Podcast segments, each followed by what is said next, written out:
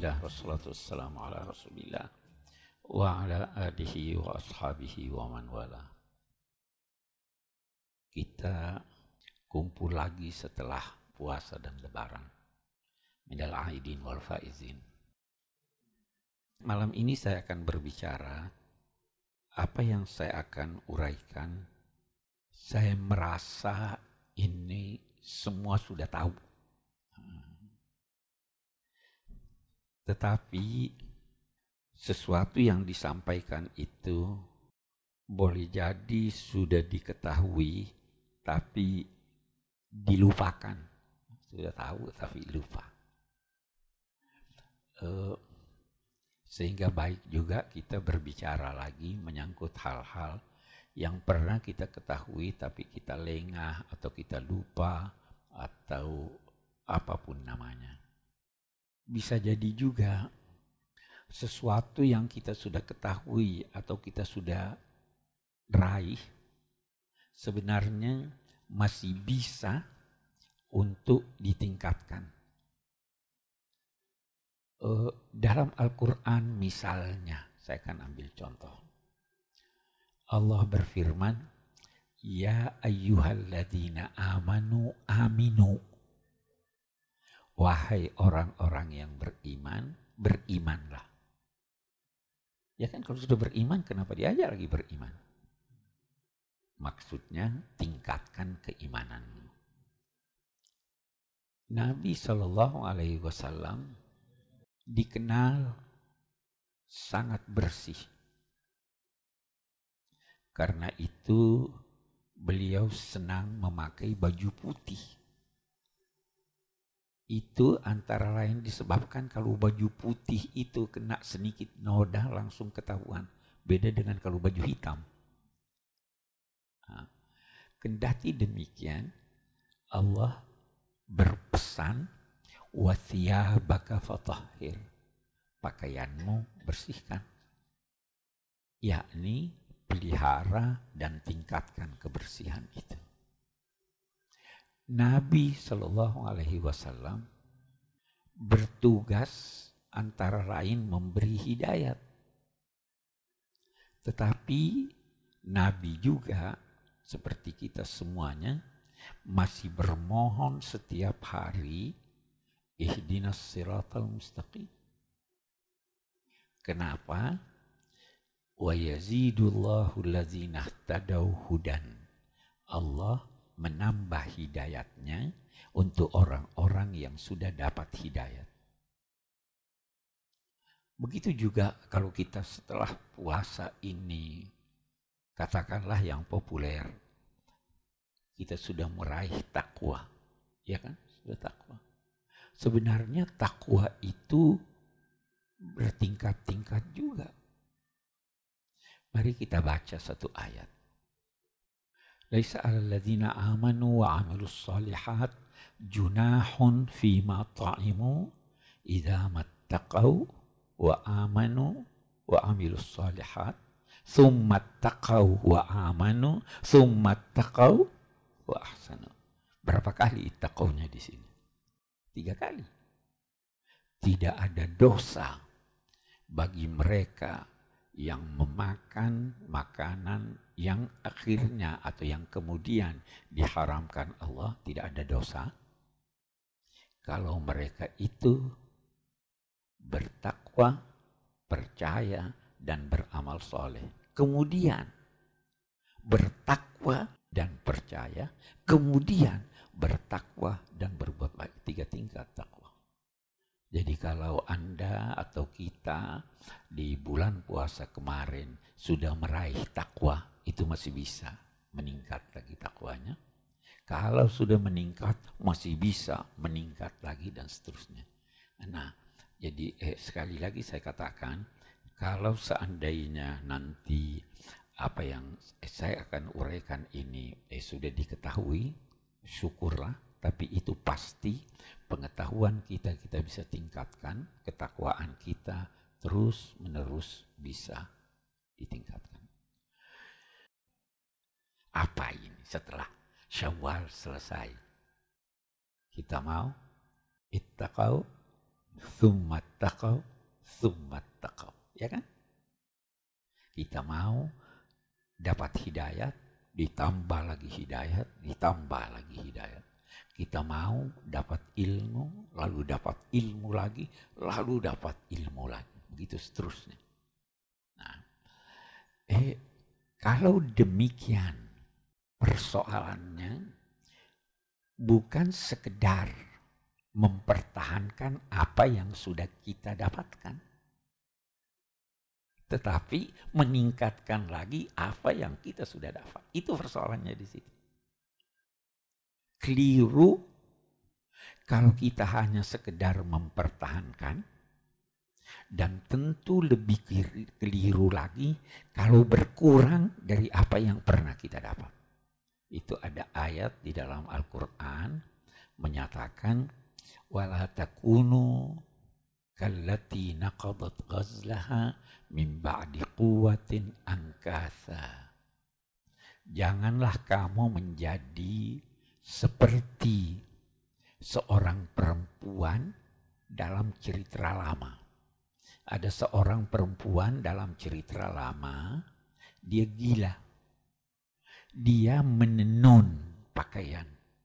Kita kita eh, di kampung-kampung apalagi dulu itu orang bikin sarung berapa hari itu ya di di tilam itu benang demi benang sampai menjadi baju sampai menjadi sarung. Sudah jadi.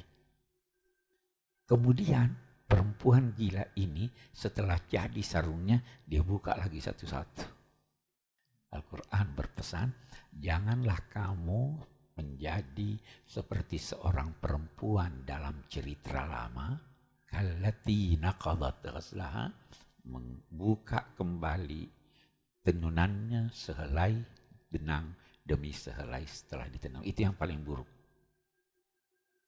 Orang berkata kalau lebaran kita memakai kita memakai pakaian baru sebenarnya pakaian baru yang lebih baik itu adalah pakaian rohani, bukan pakaian jasmani. Walibasut taqwa zalika khair. Ada dua macam pakaian. Ada pakaian rohani, ada pakaian jasmani. Oke. Okay. Nah, ada beberapa hal yang wajar kita garis bawahi ketika kita berbicara tentang peningkatan ini. Jangan pernah memandang apalagi mengandalkan amal Anda. Jangan pernah itu. Kenapa? Yang pertama, siapa tahu amal Anda tidak memenuhi syarat yang dikehendaki Tuhan. Siapa tahu ada riak yang mengalir di situ. Kita tidak tahu itu riak. Kita tidak tahu. Dia mengalir di darah. Tanpa diketahui. Dia itu dilukiskan seperti semut hitam berjalan di tengah malam yang gelap di atas batu yang licin. Nah,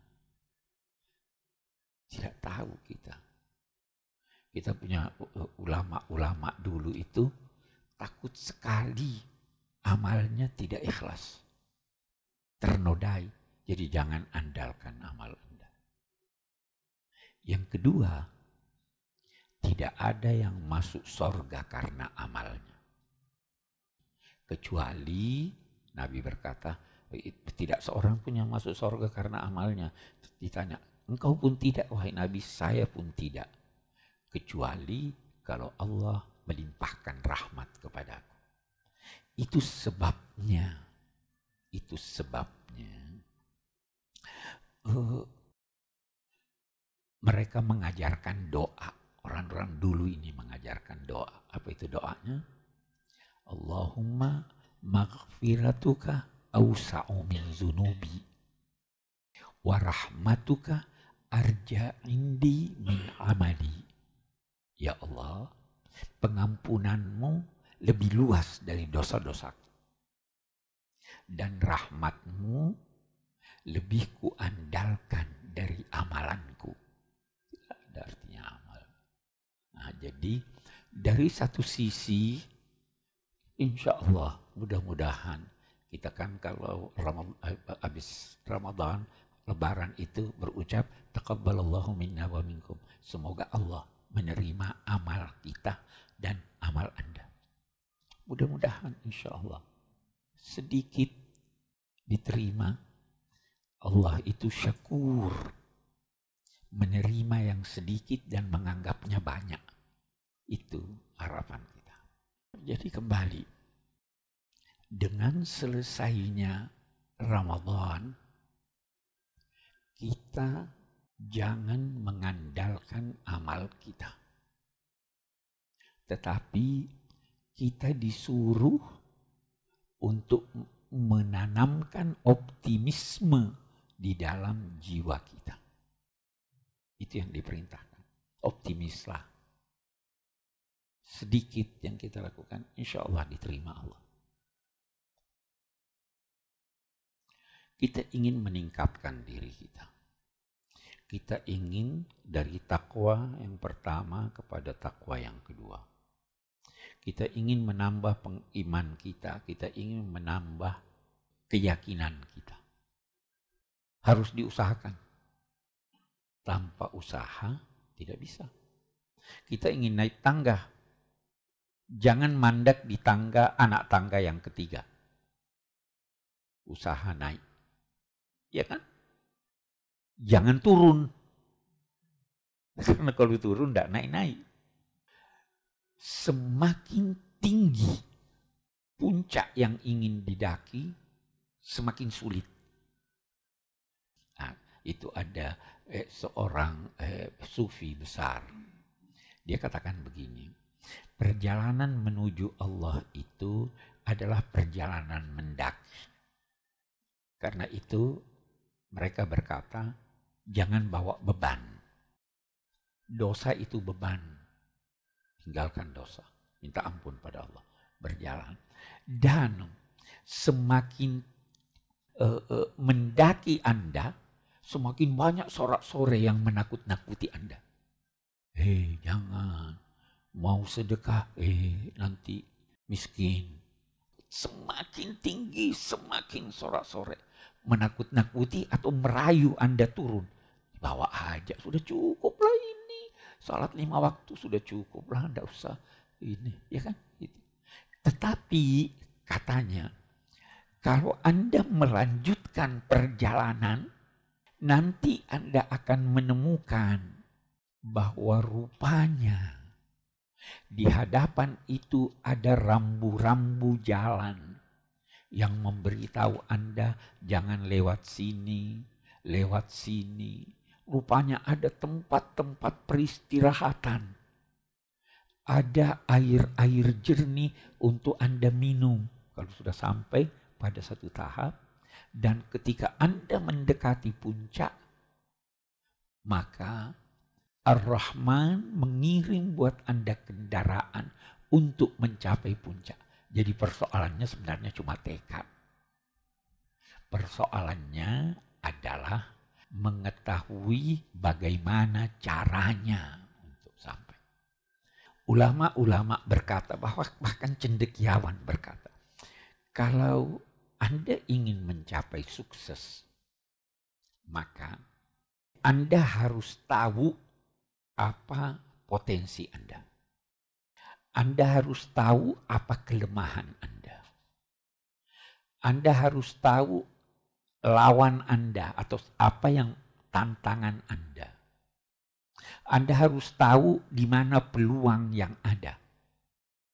Itu dalam segala hal. Dalam bisnis pun begitu, dalam berjuang pun begitu. Tahu eh, keistimewaan Anda, saya punya keistimewaan ini, saya punya ini.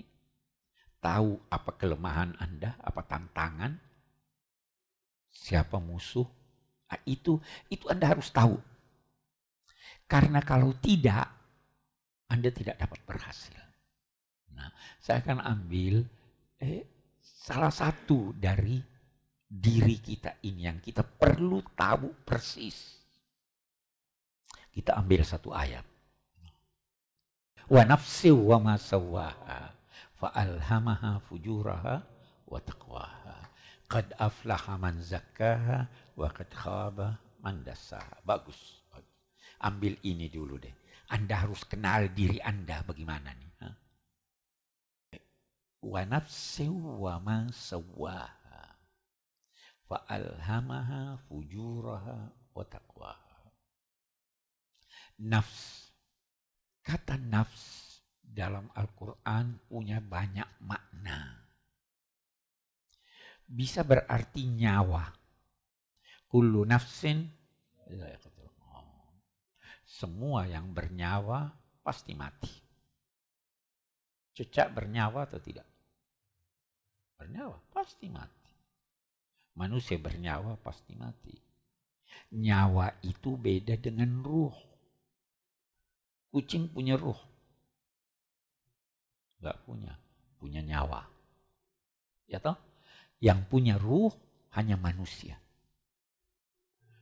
Nafs juga berarti totalitas manusia. Bukan cuma nyawa. Bukan cuma badan kita baca ayat. Wajahidu bi amwalikum wa anfusikum. Apa terjemahannya itu?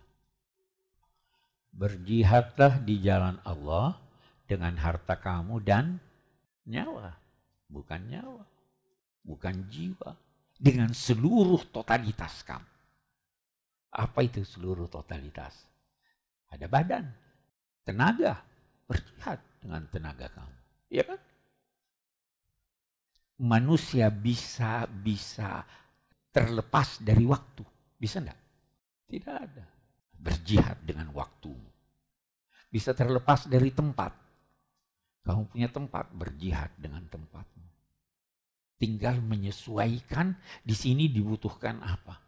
Jadi kalau kita terjemahkan jahidu bi amwalikum wa anfusikum, anfusikum dengan jiwa kamu, itu mempersempit ruang jihad.